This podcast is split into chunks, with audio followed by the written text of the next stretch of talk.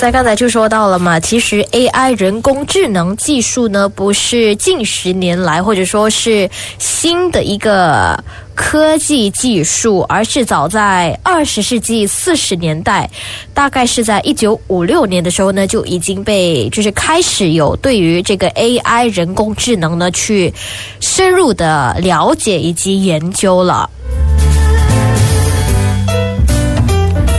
而近期呢，通过中时新闻网发布的一个消息，位于台湾的民事新闻近日呢，有推出了他们的首位 AI 科技新闻主播。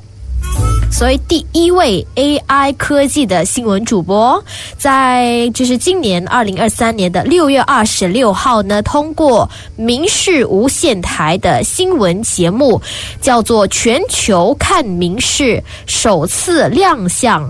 播报全球各个主要城市的天气情况。然而，当这位 AI 主播在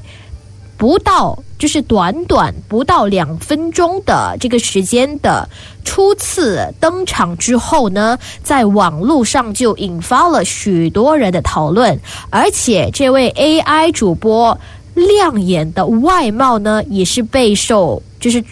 就是受到了很多的人的关注，那这也可以说是台湾电视台一个新的尝试，一个新的突破。然而，对于这项大胆的尝试呢，网络上其实也是有出现了许多不同的意见的。那不知我们的听众朋友们对于对于这样的一个突破和尝试有什么看法？